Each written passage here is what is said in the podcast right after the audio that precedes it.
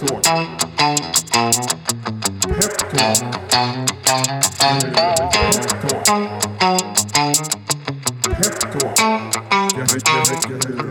Då säger vi välkomna till eh, Peptalk, ett nytt avsnitt. Idag befinner jag mig i Växjö i Småland. Senaste avsnittet så eh, var jag i Helsingborg och träffade Färsking och idag är vi på ett nytt eh, företagsbesök. Den här gången hos Alvesta Glass. Så jag hälsar VD Rickard Hertvig varmt välkommen. Tack så mycket. Mycket trevligt att ha er här. Ja, kul att vara här. Ja, verkligen. Vi, eh, vi, jag och eh, Henrik, min kollega, fick ju precis en rundvandring. Otroligt häftigt. Ja, det växer och växer. Eh, vi har ju kapat, eh, tagit över grannarnas lokaler allt eftersom. Så att, det börjar bli stort nu. 4000 kvadrat. Blir ni fastighetsägare då till slut också? Eh, det kommer vi definitivt bli. Eh, dels Eller av- ni, ni kanske är det idag? Nej, då? det är vi faktiskt inte. Men eh, vi har ju både tittat på att köpa på befintlig fastighet och även då titta på att göra ny, Mm. bygga nytt då så småningom. Och det kommer vi behöva göra för att det kommer, vi kommer växa ur det här Mm. eh, ganska fort. Jag tror att de allra flesta som, eh, som lyssnar på det här eh, har koll på Alvesta Glass och eh, kanske också om de har tur var med sen emissionen eh, startade då på Pepins för två och ett halvt år sedan. Eh, då fick man köpa aktier för 50 kronor och eh, nu senast kostade de 175. Eh, men för de som inte vet vilka Alvesta Glass är, eh, kan du bara dra pitchen? Pitchen, startade 2008 eh, och egentligen köpte ett inkrom i ett befintligt bolag. Så all, varumärket Alvesta Glass fanns. Eh, men det omsatte ungefär eh, 500 000 och hade ett tiotal livsmedelskunder kan man säga. Så det är ju, jag brukar säga att vi startar från scratch, även om varumärket har funnits sedan 1978. Så att, eh, ja. För det trycker ni på fortfarande att Det tycker jag. Alltså, traditioner är alltid bra och det är småländskt. Och jag är ju själv uppvuxen på Alvestaglass så att, eh, jag vill ju bibehålla den traditionen tycker jag är viktig. Även om vi har förändrat mycket under tiden, under åren då, när- både när det gäller kvalitet och varumärke och så vidare. Så att, eh, och sen så har, har min kompanjon då jobbat med eh, fabriksutveckling och produktutveckling. Medan jag har jobbat med försäljningsbiten då. Så att vi har ju gått från noll till ja, 500 000 var det ju då från början till, till 100, ja, drygt 130 miljoner i år. Eh, Och det är ju tio år sedan vi startade då. Så att, eh, det har varit en fantastisk resa. Och, men jag brukar säga det är bara början. eh, Så att säga. Så att, eh, Och så, känns, så känns det också. Vi hade ett eh, event här igår med, med Aktiespararna, Unga Aktiesparare, där du, eh, vi hade för, det var väl 130 personer ungefär. Eh, och du är otroligt framåtlutad när du står och, och snackar. Ja, men det, Du är det är inte min, nöjd? Det är min grej alltså. Eh, det är så jag kliver upp på morgonen och, och har ett leende på läpparna när jag går till jobbet. Och, jag är otroligt fokuserad framåt. Eh, tänker sällan bakåt, utan det är framåt som gäller. Så att, eh, och vi är, hela organisationen är lite så. Sen är det otroligt viktigt för oss eh, att eh, samtidigt som vi går framåt så ska vi göra eh, ha en, en god lönsamhet i bolaget. Så det, det är minst lika viktigt med lönsamhet som, som eh, ökning. Då. Just det. Så det, Vi kan komma tillbaka till det, men eh, om vi bara ska lära känna Rickard lite mer då. Eh, hur, hur, hamnade du, eh, hur hamnade du i den här svängen? Jag pluggade i Stockholm på Handels, hoppade av efter två och ett halvt år där. Eh, sjukt trött på studier och eh, har egentligen aldrig gillat att, att plugga eh, på det. Så jag är, ingen, jag är inte den typen utan entreprenör i fingerspetsarna och vill alltid göra nytt och hitta på nya grejer och så vidare. Då. Och jag har jobbat tillsammans med Dan sedan jag var 13 år kan man säga. Dan också en, en eh, riktigt inbiten entreprenör med haft många bolag genom åren. Ni är båda härifrån Växjö då? Precis. Ja. Så att eh, då träffades, eh, vi, jag träffade honom i ung ålder och började jobba på, på hans tidigare bolag och så vidare. Så att det är så vi har funnit varandra. Och sen så, eh, så eh, en dag så ringde han upp mig innan, innan sommaren när jag pluggade på Handels och, sa att det var en lokal ledig i Växjö. Eh, och då frågade han mig, vad ska vi hitta på där? För du behöver väl lite extra strålar liksom när man pluggar. Det Ja, är visst. Tuff, tuff ekonomi eh, när man pluggar, pluggar i Stockholm. Eh, så att, eh, ja, det vi gjorde helt enkelt det var att vi startade en glassbar. Och sen så öppnade vi en glassbar till ett år efter sen. Eh, och då pluggade jag samtidigt. Så att efter det sen så fick vi en möjlighet att köpa Alvesta glass och då tog jag det steget istället för plugget då. Så att, eh, och eh, hur, för hur, hur stor var den här glassbarsverksamheten innan? Nej, men vi byggde upp eh, ett eget varumärke där som, som heter Glasskungen. Som Aha. vi fortfarande äger faktiskt, men vi inte, det ligger vi och, ligger och ruvar lite. Vi får se om det kommer tillbaka. Det är lite 90-90-tal på det kanske, men... Nej, den, ja, så vi, vi startade ett helt nytt glassbaskoncept. Så att egentligen från början, när, när jag och Danne gör någonting så, så är det så här. Vi vill göra någonting från grunden. Vi vill inte göra någonting som någon annan har, utan vi vill liksom sticka ut hakan, vara först. Vara produktiva, kreativa. Mm. Och det gjorde vi även med glassbaren. Och det omsatte ju någon miljon där första året. Så det var ingen, det var ingen dålig business. Det var väldigt bra. Så att eh, vi hade... Eh, problematiken med den businessen var ju att det tog väldigt mycket tid. Eh, för mig, det var ju liksom ett heltidsarbete att sköta, Mm. sköta två glassbarer och så vidare. Så att, eh, då valde vi helt enkelt när vi köpte fabriken att efter ett år så valde vi, såg vi potentialen mot dagligvaruhandeln istället med Mm. sälj och distribution däremot. Och då valde vi att, att gå den vägen istället. Vilket var ett lyckat, lyckat val. Jag flyttade till Göteborg och byggde upp säljorganisationen och sen till Stockholm. Så hela min eh, resa har varit att besöka jag har nog besökt egentligen eh, 80-90 procent, två, runt 2000 dagligvarubutiker i Sverige. Och sålt in mina produ- produkter själv. Då. Så att jag har varit eh, egentligen i alla delar eh, i Sverige. Uppe i norr också. I, Överallt har jag varit. Och, där är det lite fler mil mellan Maxi-butikerna. ja, ja, det blir ju så. Men samtidigt, en, eh, Norrland är fantastiskt kul att sälja grejer. För Är det? Att, eh, man, de blir så fruktansvärt glada när det kommer säljare, för det kommer inte så Ah. ofta. så, så, så där blir man väldigt välkommen när man kommer. Det är kaffe och det är kakor och det är ja, inte så svårt att sälja. Eh, Stockholm så är det- det är lite Tuffare. tuffare, miljö.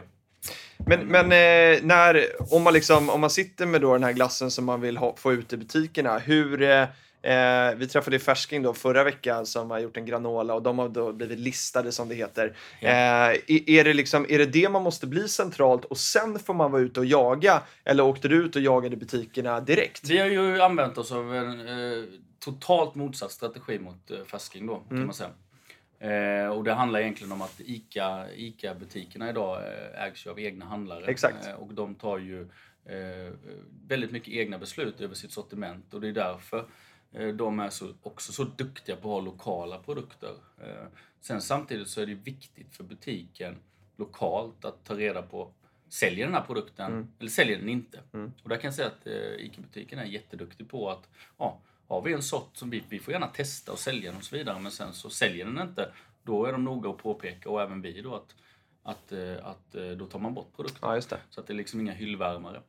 Eh, Men i Sverige, med den strukturen som finns, så kan man växa eh, med att leverera direkt till butik eh, och åka runt Ja, det räcker. Man behöver inte vara centralt listad så. Sen, du måste då ha certifieringar och du måste Ja, vara godkänd leverantör hos ICA och så vidare. Så det är, Ja. inte, det är inte liksom, du kan inte starta en fabrik och säga "Hej, bara Nej. knacka på, utan det finns ju vissa regler man måste förhålla sig till. Men, men det är så vi byggde upp vår verksamhet. Så istället för då att gå med tre artiklar till ICA centralt och kanske få in en av dem eh, i, i en konkurrenskraftig situation så, så har vi istället kunnat jobba med 15 olika glassmaker Mm. och sen gå till en ICA-butik. Och vissa Maxi-butiker har tagit in alla och mindre butiker har tagit in fem och så vidare. Men det total hela är ju att vi har kunnat bygga vi har kunnat bygga en lönsamhet verksamhet från dag ett. Vi har kunnat öka 35 procent om året. Vi har inte liksom behövt investera massa miljoner för att komma ut på marknaden, utan byggt det successivt. Och det har varit oerhört lärorikt. Det har varit väldigt, väldigt bra strategi för att kunna växa med lönsamhet. Mm. Eh, Jag ser många bolag idag som gör precis tvärtom. Då pumpar in massa miljoner för att kunna komma in och sen måste man starta en stor säljkår eller man köper en säljkår som kanske inte är så dedikerad till sin produkt. Vi har ju en säljkår idag som är 100% dedikerad på våra produkter. Mm.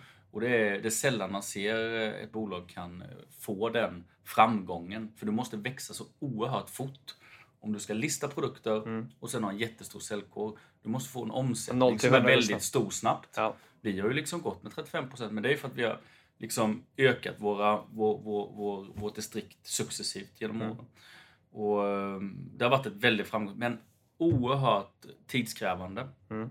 Och oerhört kostsamt också när det gäller distribution och säljbiten. Vi har Mm. en väldigt, väldigt hög kostnad där.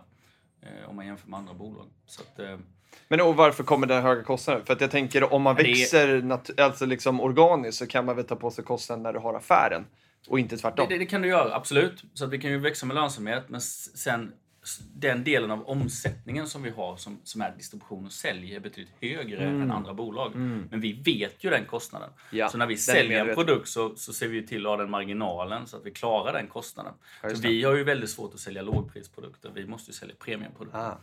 Och då kommer vi lite in på sortimentet. Kan du, kan du för det är, det är ju ett väldigt brett sortiment. Ja, Eh, det märkte jag igår. Jag såg massa alltså, galet alltså. Nej men som sagt, alltså, distributionen är ju någonting som vi, som vi har byggt upp. Ja, Och det ska ju också växlas upp då. Nu ska vi utnyttja det vi har byggt upp under 10 år. Mm. Vi levererar till 1400 livsmedelsbutiker.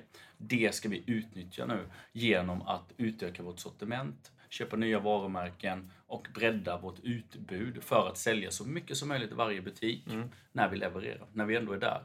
Eh, och det gör ju då att vi kan anställa fler säljare, ha fler bilar, skaffa fler lager och så vidare. Så skalbarheten är ju fantastisk. Nu när vi har nått den här nivån så handlar det egentligen bara om hur packar vi bilen? Vad har vi för produkter på bilen? Och det är ju faktiskt så att Alvestaklass blir ju mindre och mindre egentligen eh, när det gäller vårt, vår, liksom business. Eh, Nu köper vi upp eh, flertalet bolag då, eh, bland annat Bärhem, eh, Järnaglass, eh, Popfruits och så vidare då, för att bredda vår katalog. Och när vi väljer att ta de besluten så tar vi så väljer vi bolag som inte äter på våra egna produkter, eller så lite som möjligt, för att öka omsättningen så mycket som möjligt. okej. Eh, Det som kan vara nackdelen när man gör så här, det är ju att, att man tappar fokus på Ja, ja, men- Alvesta glass. Ja. Men problematiken är att man räknar på det då och säger att okej, om vi bara hade haft Alvesta glass och ökat det 35% om året, hur mycket mer omsättning hade vi haft då kontra att vi har köpt in fem var- varumärken? Eller att vi, att vi startar ett nytt varumärke? Nej, storleksmässigt så är det gigantisk skillnad. Då kanske vi dubblar omsättningen istället när vi har den strategin att vi har andra varumärken ja, i nya kategorier och så vidare. Så att eh, självklart så tar det lite stryk på Alvesta glass men det är, ju inte, det är ju absolut inte så att vi minskar utan vi ökar men kanske inte i den takten. Nej. Men totalaffären är ju mycket, mycket, mycket bättre. Men om vi ska då förstå glassmarknaden, eh, marknaden, var, var eh, från det billigaste till det dyraste, var ligger Alvesta glass? Vi är mellanprissegmentet, alltså premium mellanpris. Alltså vi ska ha kvalitet till rätt pris är vårt motto. Så att du ska liksom inte ha en, en väldigt dyr glass eh, och inte den, billigaste glassen. Utan vi ska ligga i mellanprissegmentet. Så när man köper vår glass så ska man tycka fan shit, jag betalar inte så mycket men jag får en fantastisk kvalitet. Svenska råvaror och bra kvalitet.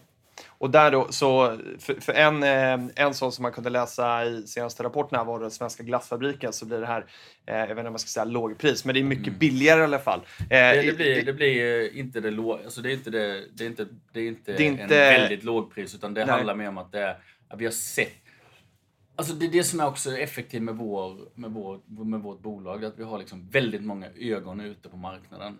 Så mina säljare, när vi har konferenser och så vidare, så kommer det upp väldigt mycket idéer.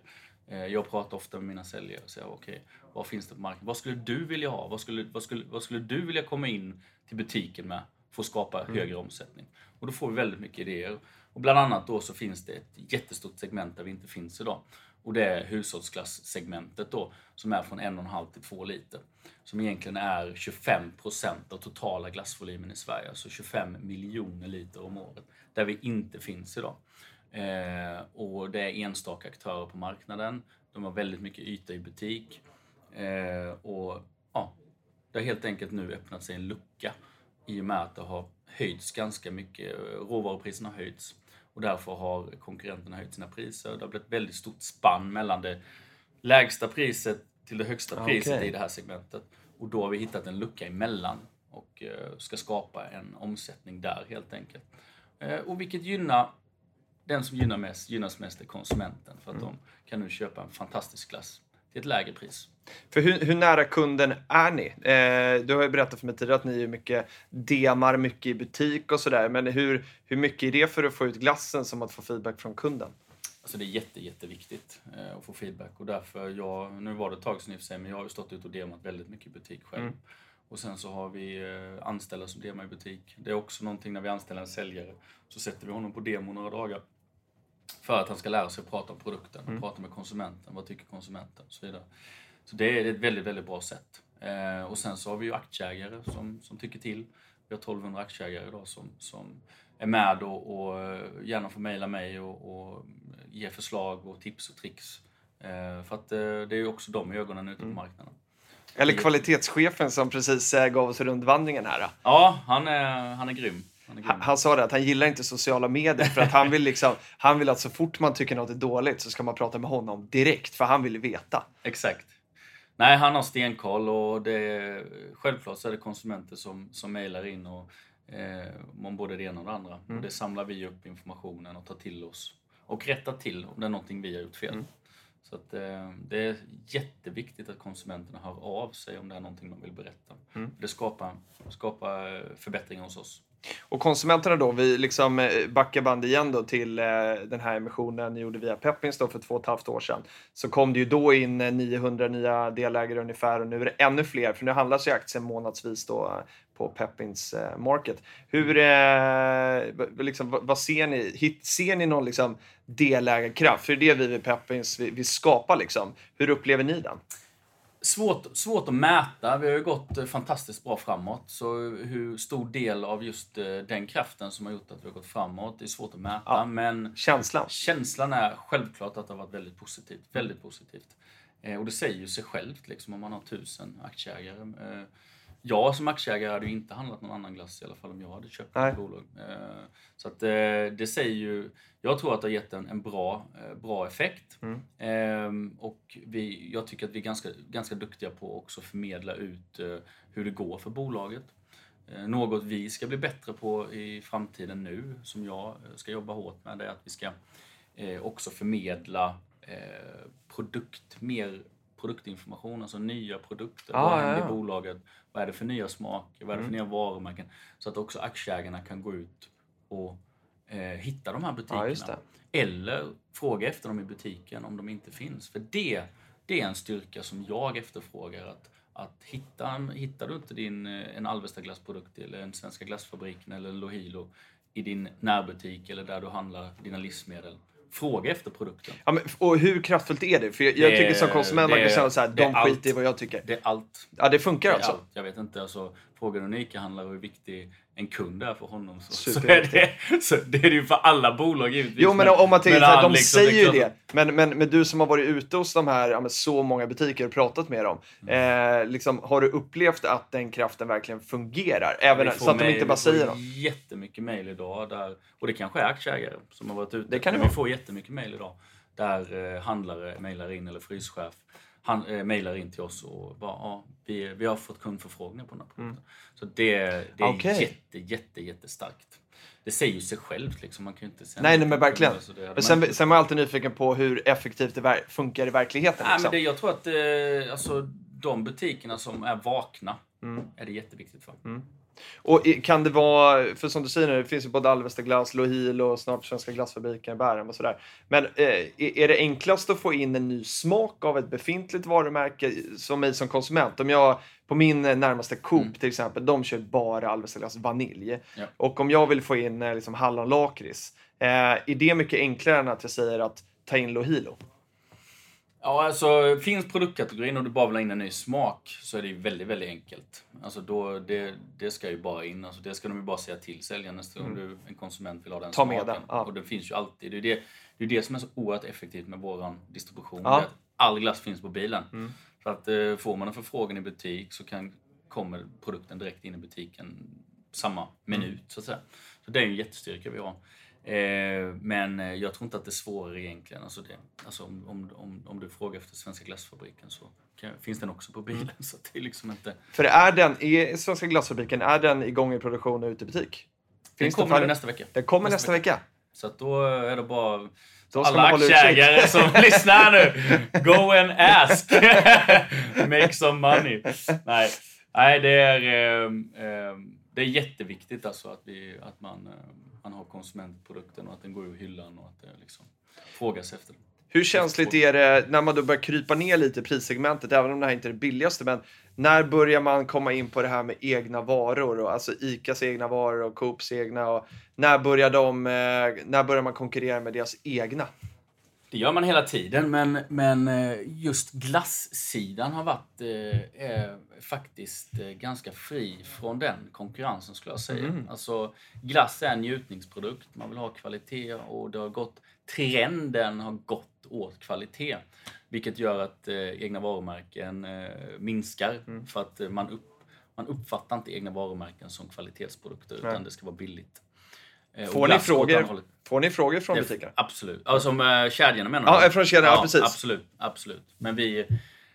Som sagt, alltså, vi, vi kommer växa ur de här lokalerna och vi fokuserar på att bygga våra varumärken. Mm. Och det ska ju aktieägarna vara fantastiskt glada för, för det skapar ju värde i bolaget. Mm. Ja, spännande. Men och, och, den här distributionen då? Hur, hur skulle man kunna se att affären utvecklas bara av den här distributionskedjan? För bara bara där finns det ett värde som du är inne på. Liksom. Och du har berättat för mig tidigare också att det är eh, liksom andra varumärken som hör av sig till er och frågar om ni inte kan köra deras grejer. Nej, men skalbarheten, som sagt, nu levererar vi till 1400 butiker som omsätter, jag kan inte ens eh, föreställa mig hur mycket pengar de omsätter. Så vi vill ju vara så stor del av den omsättningen som möjligt. Mm. Vilket gör att vi kan eh, hitta produkter, eh, ta agenturer, vi kan köpa upp bolag det knackar på våran dörr eh, väldigt, väldigt ofta med bolag just som har svårt att komma in på dagligvaruhandeln för att man, har, man kanske får in en artikel och det räcker inte för att man ska kunna ha råd med en hel säljkår och så vidare. Man kanske har två artiklar. Det gör att vi blir väldigt attraktiva för att kunna etablera sig snabbt på dagligvarusidan. Och framförallt då att vi har fryst också som är, som är en oerhört stor tillgång. Då. Det är mm. extremt svårt att bygga upp en frysdistribution till hela DVH Sverige. Mm. Eh, så att ja, vår utveckling kommer vara att se till att packa bilen med så rätt produkter som möjligt som säljer så bra som möjligt. Och sen utöka vår distribution. Mm. Eh, vi har även planer på att titta på att utöka med annan typ av distribution. Då. Så den möjligheten finns ju. Eh, det handlar egentligen bara om att stänga av aggregatet så kan du jobbar med tott och jobbar med kylt och så vidare. Så distributionen är eh, otroligt skalbar. Det gäller bara att hitta eh, rätt produkter på bilen egentligen. Så det utvecklar vi håller på att titta på. Vad tror du kommer hända när, när sån här matkassa som levereras hem, eh, hur, eh, om den marknaden liksom växer jättemycket, nu är det fortfarande en ganska liten del av mm. liksom, totala, men, men om den skulle bli större, är det ett hot mot det då? Nej, vi finns ju i varukassan. Ni finns där också? Ja, vi finns ju i... Alltså du handlar ju... Ja, men om du går in på... online. Ja, det fungerar, det fungerar på samma sätt. Men det, så ni är redan alltså, där. Det är, ju inget, det är ju ingen konkurrent, utan det är en samarbetspartner. Men jag tänker att det är svårare just med vi frysta... Vi säljer ju på Mathem till exempel. Ja. säljer vi våra produkter. De så köper en... ju jättemycket produkter av oss. Så det är en distributör precis Så det blir ju som sätt. en kund ja. i sig. Så det är ju ingen konkurrent alls. Utan det handlar ju bara om, eh, bara om att de köper våra produkter och levererar ut. Och i era distributionsled så levererar ni till deras lager precis som ni levererar till Inica butik då? Exakt samma sak. Så att det stör egentligen ingenting? Det stör ingenting alls. Nej. Vad tror du eh, om liksom den utvecklingen annars på, på eh, hur tror du att vi kommer konsumera dagligvaror? Ja, alltså det, utvecklingen går ju åt att man ska skapa så mycket tid som möjligt i vardagen. Mm. Och det, det, då är det ju så att det kommer ju bli större och större. Eh, att man vill ha det hem till dörren. Sen hur effektivt det är, det, det är svårt att säga. Så det är ju eh, lönsamhetsmässigt. Jag vet ju hur mycket distribution kostar liksom. Så att det, det är inte gratis att ha eh, liksom ett distributionsnät där du ska leverera direkt till dörren. Så att, eh, för att eh, skapa lönsamhet för de här bolagen så tror jag att man måste ta betalt för det. Mm. Och det är viktigt. Och sen också hur miljöaspekten är ju mer positiv. Istället för att det ska vara 100 bilar till en butik så är det en bil som kör kanske och levererar till 100 kunder. Då. Mm. Så det är ju miljösynpunkt om man nu får kanske få eldistributionbilar och så vidare så är ju det också väldigt positivt. Och den debatten är ju i full gång. Eh, vi själva nu ska ju bli miljökompenserade då eh, med egentligen alla våra produkter. Mm. Eh, så att vi kommer... Och det är ni först med, eller hur? Ja, precis. klimatkompenserad glass. Så att vi kommer... Eller inte bara glass, alla produkter? Alla produkter. Ja. Alla produkter som vi... Så att det kommer bli jättekul. Och det är Roger som du träffade innan, kvalitetschefen, mm. som, som jobbar med det projektet. Och vi ska ut med det nu i höst. Så vi blir Sveriges första klimatkompenserade glass. Mm. Eh, och det ska vi eh, vara jäkligt stolta över. Mm. Och det ska vi jobba stenhårt med. Eh, minska eh, allt som har med utsläpp att göra. Mm. Eh, och även ha så miljötänk som möjligt i allting egentligen med distribution och eh, tillverkning. råvaror. Mm. Köpa så närodlat som möjligt och så vidare. Så vi ska ha en policy där vi ska vara stenhårda och Mm. utveckla hela tiden. Och hur, många, hur många bilar har ni idag som kör glass i, runt om i Sverige? Eh, ja, 25 bilar ungefär. Utgår de här från samma ställe då eller är det Nej, vi har olika centrallager. Ja. Från, från eh, eh, Staffanstorp till eh, Umeå. Okej. De olika lagarna. Då. Ja. Vi har åtta, åtta distributionslager. Härligt! Eh, eh, igår då när vi körde det här eventet med Aktiesparande så fick vi så jäkla mycket frågor, vilket var jättekul. Men vi hann inte ta alla då. Eh, så att vi lovade ju publiken där att vi skulle ta upp varenda fråga i den här podden. Så jag tänker vi, vi eh, hugger in. Eh, vilken är din favoritglass? Ja, jag får ju den frågan ganska ofta kan jag säga. och jag älskar ju glass. Eh, jag äter mycket glass, men jag måste ändå säga, alltså jag är ju lite traditionell, men vi har lanserat en ny eh, Lohilo nu, chokladboll, eh, som alla måste testa. Eh, fantastiskt god alltså. Fantastiskt god. Så det är chokladboll i glassformat som dessutom är nyttig. Eller nyttigare. Ja, men ska vi, och, och vi kan bara pausa där snabbt med Lohilo, för det, det, det är alltså en proteinglass. Men du vill mer att det ska vara liksom, eh, du sa igår på det här eventet att du vill inte ha så mycket fokus på pro- proteinet utan mer hälsa. Ja, alltså det, vi kommer, Lohilo är ju ett eh, functional food brand, så att säga. Vi kommer utveckla det vidare. Eh, men jag, alltså protein är ju en jättehype eh, just nu. Eh, men Lohilo är så mycket mer än protein. Alltså, eh, tanken är att vi skulle göra en, nyttigare, en väldigt, väldigt god glass som är nyttigare med högt proteininnehåll, eh, låg sockerhalt och så vidare. Då. Så att, eh, eh, och lågt fett också. Då. Det är egentligen där det kommer ifrån. Low, high, low. Aha! Så att, eh, det är det varumärket kommer ifrån. De här anekdoterna, de som aktieägare Så- älskar man ju då. Exakt, För då kan man gå och... en, Exakt, så det finns en, en tanke bakom det. Eh, så det är rätt häftigt. Eh, men nej, jag vill ju helt enkelt att människor ska smaka den här glassen. Mm. För att eh, den är fantastiskt god och eh, det är en tredjedel av kalorierna än en vanlig glass. Ja, det är sån skillnad. Ja, det är jättestor skillnad och det är väldigt låga, väldigt låga sockerhalt. Istället för 30 procent så är det nere på 3, 2-3 procent. Att, eh, Skulle det kunna bli att ni slänger ut eh, all vanlig sockerglass och bara kör healthy eh, framåt? Nej, så det, alltså marknaden idag är ju, även om vi har ökat jättemycket med Lohilo så är det fortfarande väldigt liten del av den totala omsättningen på Mm. Ja. glass. Och det, glass eh, kommer ju fortfarande säljas och där, när vi gör den här produkten så är den också väldigt dyr. Alltså råvarorna är jättedyra, vi använder bara de bästa råvarorna. Ah. Vilket gör att produkten blir också ganska dyr. Så att, eh, eh, det finns ju inte en marknad för, för alla på den här produkten. Nej. Utan, eh, eh, den här hushållsglasstrenden kommer ju fortsätta. Så att, eh, ja, nej, men en fantastisk produkt. Mm. Så vi släpper chokladboll nu och eh, om ni gillar lakrits så är det Raspberry Salt Oh, Licorice. det är min favorit. Härligt. Hallonlakrits på den andra. Eh, det var någon som ställde frågan också om det är positivt eller negativt att heta Alvesta glass. Jag tycker att eh, alltså vi har, jag och Danne funderar, har snackat rätt mycket om det. Vi har haft eh, rätt många samtal om det, om vi verkligen valde rätt. För att vi hade det, det inkromet eh, vi köpte då 2008. Så var det gourmetglass, Smålandsglass och Alvestaglass. De tre varumärkena egentligen var det vi köpte då på den. När vi tog över eh, inkromet då som vi fick med oss. Eh, men, men i och med att vi inte hade någon aning om hur om vi skulle bli lokala eller om vi liksom skulle bli rikstäckande. Så ville vi ändå bibehålla den här traditionen som Alvestaglass hade. Och det var därför vi valde Alvestaglass. Och jag tror att vad jag har märkt i alla fall, nu är jag ju liksom eh, smålänning i, in i benmärgen, men, men ehm, när jag har varit ute och sålt eh, i alla de här butikerna eh, så har det varit väldigt positivt att komma från Småland. Mm. Eh, ja, det känns så i alla fall. Mm. Pålitliga och, och eh, bra produkter Ja. och bra kvalitet. Så att, eh, jag tror att det har, det har varit väldigt positivt varumärkesnamn. Och för aktieägarna då, tänker man småländskt att det, det finns hög lönsamhet, sparsamheten? Ja, men det gör det också. Ja, Så att, jag menar, de har ju rätt. Så att, eh, det, det, liksom, det genomsyrar hela organisationen. Ja. Nu har vi ganska nytt kontor men vi har suttit i nio år i, ja, i princip in i produktionen och Mm. suttit på varandra så att säga. Men nu har vi investerat i en liten lite nyare kontor, men, men vi håller väldigt hårt i slantarna. Mm. Alltså. Det, så är det.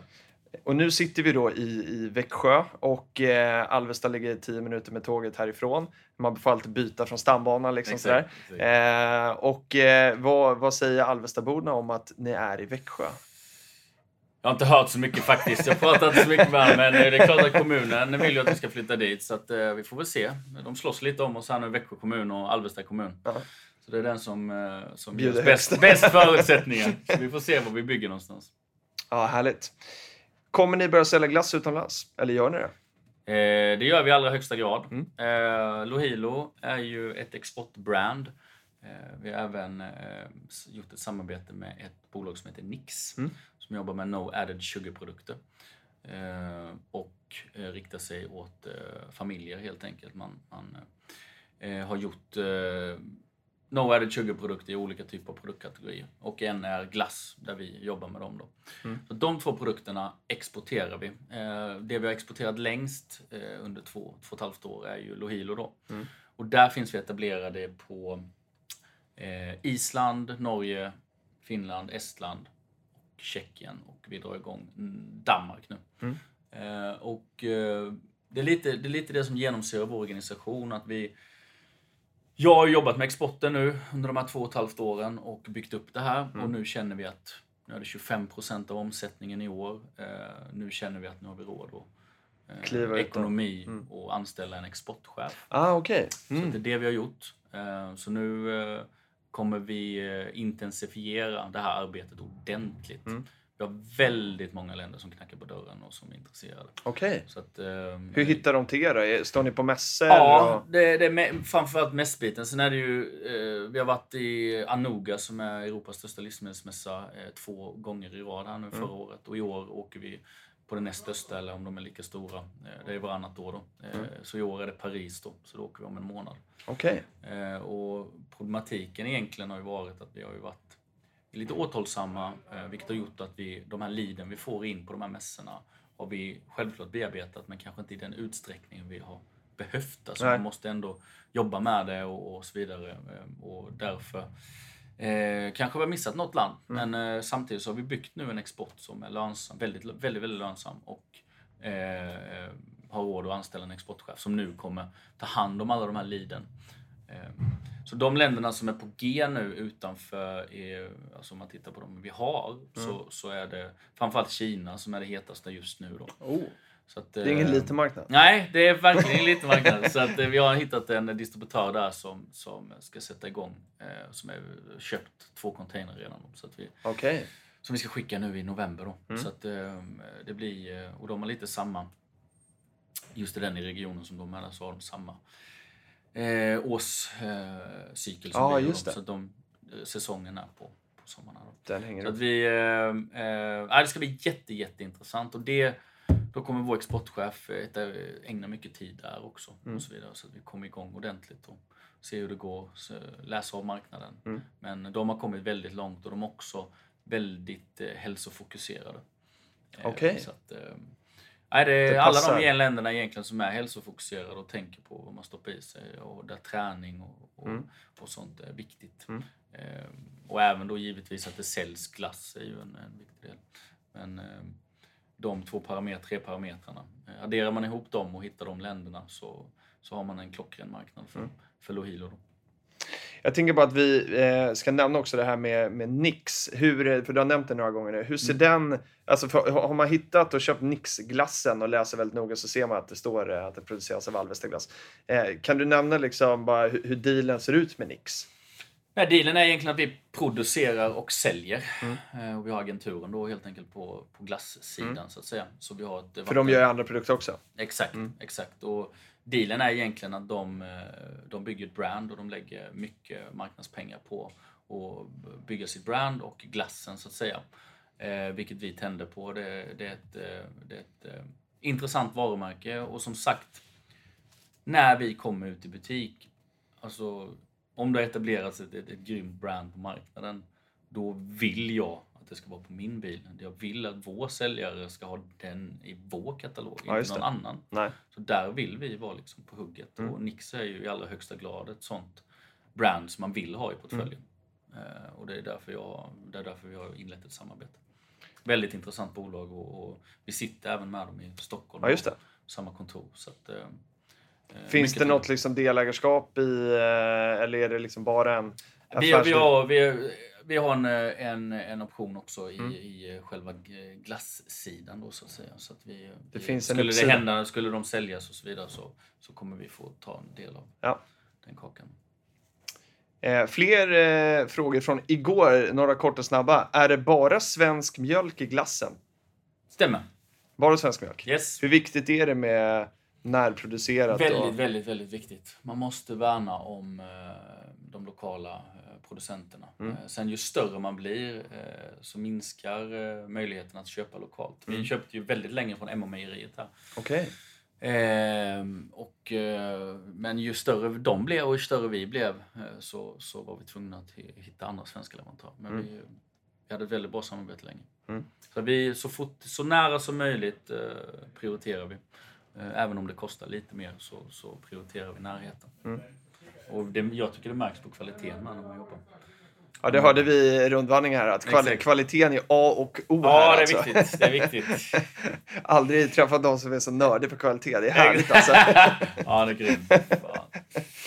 Eh, har ni någon vegansk glass?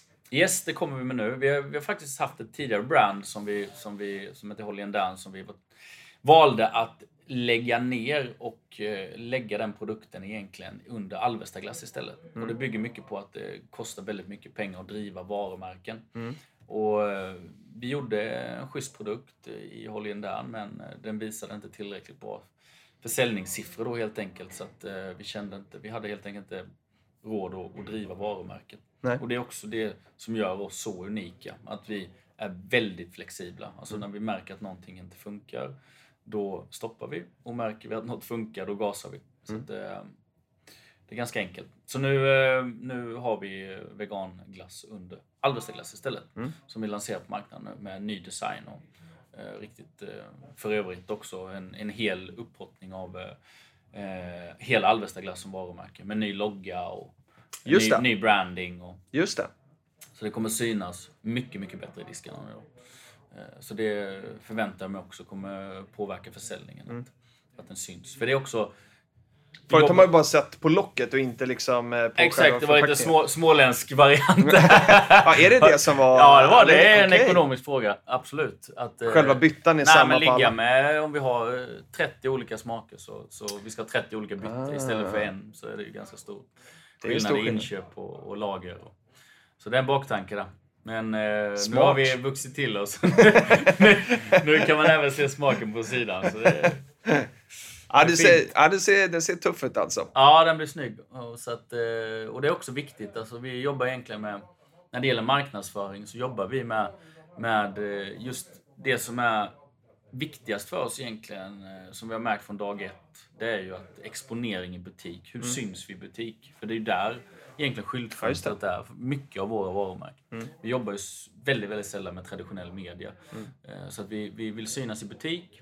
Vi vill jobba med, eh, med den nya typen av media, sociala medier. eh, Väldigt viktiga för oss i många brands.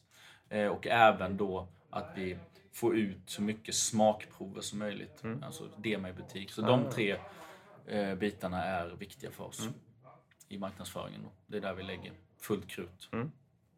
Vi har fått en fråga på Twitter också från aktiedrottningen som... Eh, Ja, eh, hennes blogg brukar jag läsa. Ja, väldigt eh, frekvent eh, Mm. att skriva, väldigt duktig. Eh, så frågar så här då, är målet att omsätta en miljard 2020? Vilken rörelsemarginal? det, det lät... Ja, jag har ju höga mål, men vet inte fan alltså om jag klarar det. Till och med aktiedrottningen trumfar det här. Ja.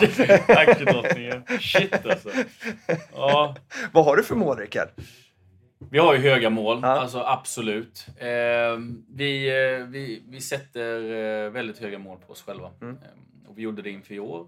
Eh, och eh, vi har eh, inte riktigt nå. Vi hade en bottom line och en top line, det har vi alltid. Mm.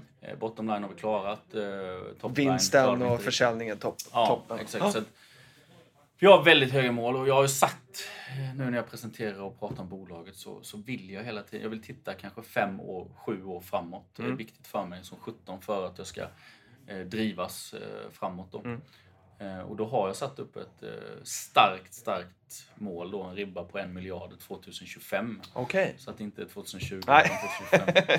Eh, Kanske slant på tangenten. Nej, så kunde jag göra det 2020. Men jag tror inte jag når dit riktigt. Och hur långt är det kvar? då? För nu hade vi 2017 100, och, lite, lite drygt hund- Ja, 2017 var ju 85. 85. Precis. och nu är sen så, halvåret eh, 60... 60 över 60 var Ja. det kanske.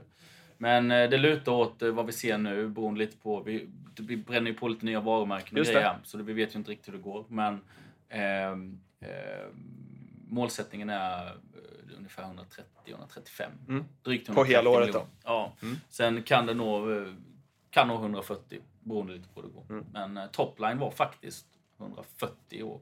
Så det var topline vi hade. Eh, och topline brukar ju vara det som känns, du vet det är nästan så att styrelseordförande sätter kaffet i halsen när jag presenterar. Nej Rickard, nu, nu, får du, nu får du liksom...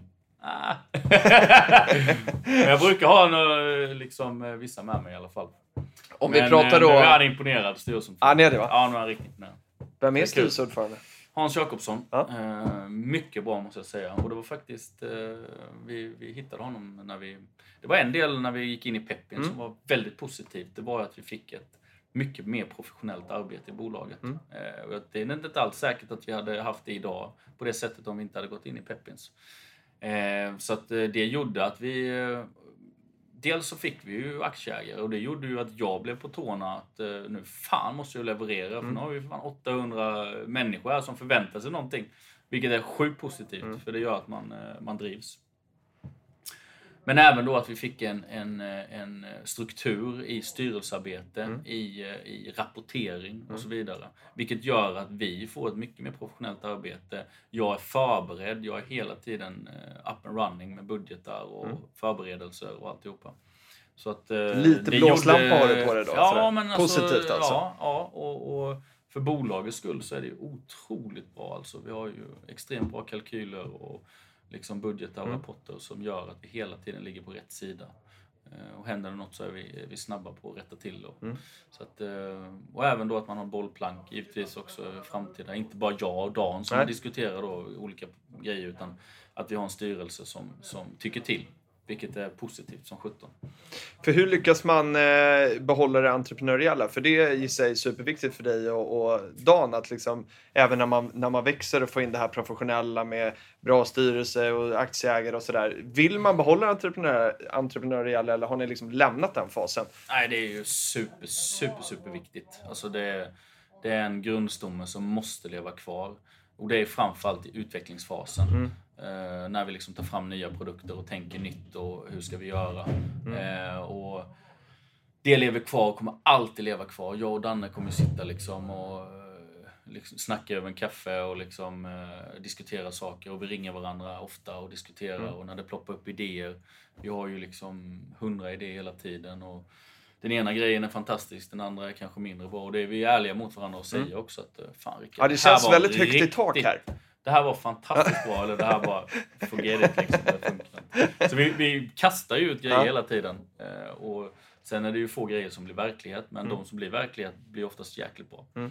Så att, eh, jag och Danne är ju väldigt lika på det sättet när vi har, eh, vi vill framåt. Och för att nå framåt så måste vi utveckla, utveckla, utveckla. Eh, och anställa framförallt mycket folk. Det är otroligt viktigt. Hur snabbt går det från, för nu sitter vi liksom vägg i vägg med produktionen här Mm. eh, på kontoret. Och hur, hur snabbt går det från att ni sitter vid den här kaffen och tänker att ja, men vi vill ha en kaffefrappesmak till att den finns i byttan? Det är vi nog snabbast i, eh, ja, i Sverige definitivt i alla fall. Eh, Vi är otroligt flexibla. Så det Mm. Danne han snackar bara med smak, sen är han och rör i grytorna på eftermiddagen och sen beställer vi eh, bytter och sen eh, åtta veckor senare, kanske 68 veckor senare så har vi en produkt. Och den ligger på bilarna och vi når ut till våra kunder inom två veckor. Mm. Så då ser att då att från att vi har pratat om det vid kaffe till att den är ute i butik, Det är ett par månader då. tre månader kanske. Ja. Så där, där, jag kan inte tänka mig att det finns någon annan som kan vara så effektiv. Nej. Så därför kan vi testa mycket nya produkter också. Har Mm. vi en idé så kan vi testa. Och det är inget, det är inget som säger att om du kommer ut med en produkt, det har vi haft flera stycken som har kommit ut som inte har rört på sig, som vi har trott på. Nej, men då plockar man Då bort släcker dem. ni dem. Ja. Och Och jag menar då, man kan ju inte göra annat än testa. Det är konsumenten som avgör. Exakt. Kunden eh, bestämmer. Och det är ofta så när man har en idé, ofta man tror stenhårt på. Så det är inte alltid den som eh, funkar, utan eh, det kan vara den man tror min, mindre på som funkar. Måste man eh, våga vara ärlig och släppa prestigen där, eller stoltheten. Liksom. Nej men så är det. Sen är det jättebra med en styrelse och andra personer i organisationen som får tycka till. Ju större vi blir, desto fler får tycka till. Man kan skicka ut liksom en förfrågan till säljarna, kontoret, styrelsen, fabriken. Vad tycker ni om den här produkten? Skulle ni själva köpa denna? Eh, Aktieägarna inte minst. Ska vi bli mycket, mycket bättre på. Eh, och skicka ut eh, framförallt information om nya produkter och, och det. Inte bara siffror utan även eh, vad kommer vi med och, och testa den här produkten, denna smaken, nya smaken. För det kommer göra jättemycket om vi lanserar någonting och folk går och köper den, Exakt. skapar konsumtion, försvinner i butik och sen även få en, en eh, synpunkt på produkten. Så det är ju Ja, men det, och du har ju pratat mycket om det här i, i att, för det ligger ju liksom både Peppins och ert intresse att liksom engagera aktieägarna. Det är det, den plattformen Peppins vill vara också. Ja, och där, just med högt i tak så har vi väldigt bra diskussioner där om liksom hur, vi ska, hur vi ska göra här. Och är, det, är man aktieägare och lyssnar på det här och eh, vill liksom engagera sig och har eh, bra idéer, så hojta till så, så hjälps vi åt. Yes. Aktiedrottningen frågade också, vi pratar topline som är försäljningen, bottomline som är vinsten, men sen finns det rörelsemarginal som är någon form av middle line då kanske, där i mitten. Eh, vilken rörelsemarginal kommer ni kunna hålla? Nu, nu frågade aktiedrottningen här vid den här miljarden, men jag omformulerar lite. Vad ligger rörelsemarginalen idag? Och hur kan... Rörelseresultatet eller? Ja, exakt. Eh, ja, men vi ska ligga på 10 tycker jag. Och går det att hålla även liksom när man växer kraftigt uppåt? Jag tror att det, det, det, kommer, det kommer bli eh, just, just större... Alltså, alltså, det, grejen är den att när vi växer nu så kommer jag se till att eh, sälja produkter med ännu bättre marginal. Så att min Okej. målsättning är att vi ska eh, min målsättning är att vi ska öka rörelseresultatet. Eh, men men den här typen av verksamhet, om vi kan ha en, en, en ett rörelseresultat på 10 så, så ligger vi väldigt mycket högre än våra konkurrenter. Så att, eh, jag tror att det, man får vara nöjd om man klarar det. Sen, sen ska man investera i verksamheten och så vidare. Så att, eh, men min målsättning är att alltid tjäna så mycket pengar som möjligt. Sen måste man vara realistisk också. Exakt. Långsiktigt hållbart. Precis. Hur, hur aktuellt är det liksom att fortsätta med, med att förvärva andra varumärken? Är det liksom en medveten strategi? Just för det här att kunna ja, men liksom växa, växa på ett bra sätt och med ökad lönsamhet och sådär. Är det en, eh, är det en strategi som vi kan fortsätta? Kommer vi se om ett år att har ännu fler varumärken i din presentation med nya märken? Alltså det där, det där både- ja och nej. Eh, man får inte bli för spretig. Eh, för mycket varumärken skapar spretighet. Däremot så med den typen av verksamhet vi har så har vi en otrolig möjlighet att göra förvärv. Eh, kanske köpa ett bolag som, som går back, som vi kan skapa lönsamhet från dag ett. Eh, vilket gör att det blir väldigt intressant. Eh, man måste också ta i beaktande Eh, dels ska det inte äta så mycket på våra egna produkter. Eh, men även att det inte blir för spretig organisation. Men ja, eh, vi kommer kunna glädja aktieägarna med väldigt bra resultat eh, den vägen. Eh, och det är ju egentligen det det handlar om. Att, Och på tal om förvärv, hur, eh, hur ser du på att eh, Alvesta Glass skulle kunna vara en uppköpskandidat? kom också en fråga igår Ja, på... det, det är inte så. Jag vet inte. Jag tänker aldrig så faktiskt. Aldrig. Utan jag tänker bara på verksamheten och verksamhetens bästa. Och kommer det ett bud så kommer det ett bud och då får man ta det i beaktande helt enkelt. Men eh, det är inte gratis att köpa Alvesta glass. Nej, det är inte det. Nej. Då, då, får man betala, då får man betala mer än 175 eh, gissar Ja, det är väldigt billigt. Det är väldigt billigt. Eh, vad bra. Eh, ska vi se om vi hade någonting. Om du skulle få, och den, den här kan man tolka på lite olika sätt. Vilket är ert viktigaste varumärke? Du får svara vad du vill och motivera hur du vill, Oj, men du får oj, bara oj. välja en. Oj, oj, oj. Nej, jag måste ju säga Alvesta glass alltså. För jag, det, det är liksom grundvarumärket. Det är det benet vi liksom, grundfundamentet i organisationen. Det är det som ligger mig varmt om, varmast om hjärtat. Mm. Eh, skulle det gå åt helvete med något så, så vet jag att Alvesta glass alltid kommer finnas där och rädda mig så att säga. Mm. Eller rädda oss. Eh, så att eh, Alvesta glass är eh, det viktigaste. Den, den ligger närmast. Sen kanske det inte är där vi kommer tjäna mest eller sälja mest. Men i hjärtat så är det så. Eh, vi börjar närma oss eh, dubbelt så många delägare i Alvesta Glass som, eh, som det var vid liksom, själva emissionen. Ja. Eh, har du någon egen liksom, idé om så här, eh, hur, hur, många, hur många aktieägare vill du ha? Har du i- Alltså, i det här att sätta mål? Har du något, tänker nej, du någonting? där? 10 000 skulle jag vilja ha. 10 000, ja, då Ja. har vi ytterligare utrymme alltså. Exakt! det vill jag ha. Sen är det ingen som vill sälja några aktier just nu så det är svårt att skaffa nya. Ja, men det är lite ehm, så. Så att... jag vet inte, jag får sälja lite själv. Nej. Vi får se lite hur fan eh, vi ska ta... eh, Det var ju för billigt sa du. Då kan du inte sälja själv. Exakt, det är det. det, är det. Men... ehm, Vi ska också bara för riskgrejen att det här med vad som är billigt eller inte, det får man göra sin egen bedömning Exakt, på. ja, så är det. Så det. Ehm, Men eh, jag vill ju självklart ha så stor aktieskara som möjligt Mm. för att kunna driva det här varumärket på bästa sätt. Det är ju, I ren företagssynpunkt så är det ju bra att ha så många som Mm. möjligt. Tycker jag. Positivt. Och eh, i, eh, i det då, om man är nyfiken på hur, hur man gör det, så har ju, den handlas ju då på Peppins Market en gång i månaden nu. Det är Mm. högre frekvens än vad det har varit tidigare. Eh, och eh, handlas nu igen då från den 10 oktober. Eh, så kan man, eh, kan man gå in och, och lägga en order. Får vi se vad priset hamnar på då. Ja, intressant. 165 var det i senaste handeln och sen har det då gjorts en handel här emellan också. Vi har ju ett litet mäkleri så vi kan ju göra 175 lite 175 Just det. eh, blev det då här emellan. Ja, okej. Okej, det var därför. Okej, då förstår Så eh, får vi se vad det blir i, i nästa handel här då. Men det är som du säger, det har ju varit eh, det är ett stort eh, köpöverskott det har varit ganska länge. Så fler Mm. som vill köpa än sälja. Mm. Så, så får vi se hur det utvecklas framåt. Och nu har det ju varit enorm liksom, medvind egentligen. Det har ju gått liksom, jättebra sen, sen vi gjorde den här emissionen. Aktien har ju typ pekat upp vid varje handelstillfälle, Mm. om inte i varje. Och vi har gått från 50 kronor till nu då 175. Vilka är era största utmaningar? Vad är det som skulle kunna få det här att börja liksom, rucka lite? Darra på manschetten?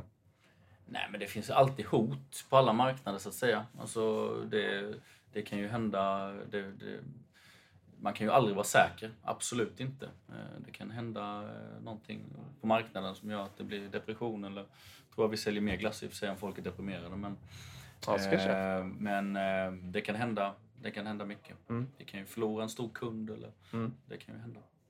Det kan hända något i fabriken. Fabriken kan brinna ner. Mm. Det, kan bli, alltså, det finns ju. Sen självklart så har ju vi vi har ju olika typer av riskanalyser. Om detta händer, vad gör vi då? Och så vidare. Mm. Eh, så att, eh, ja, det, det, det finns ju ingen liksom, hundraprocentig säkerhet. Det enda jag känner att jag känner mig väldigt säker på att, eh, att för mig är det otänkbart att, liksom, att det går bakåt. Mm.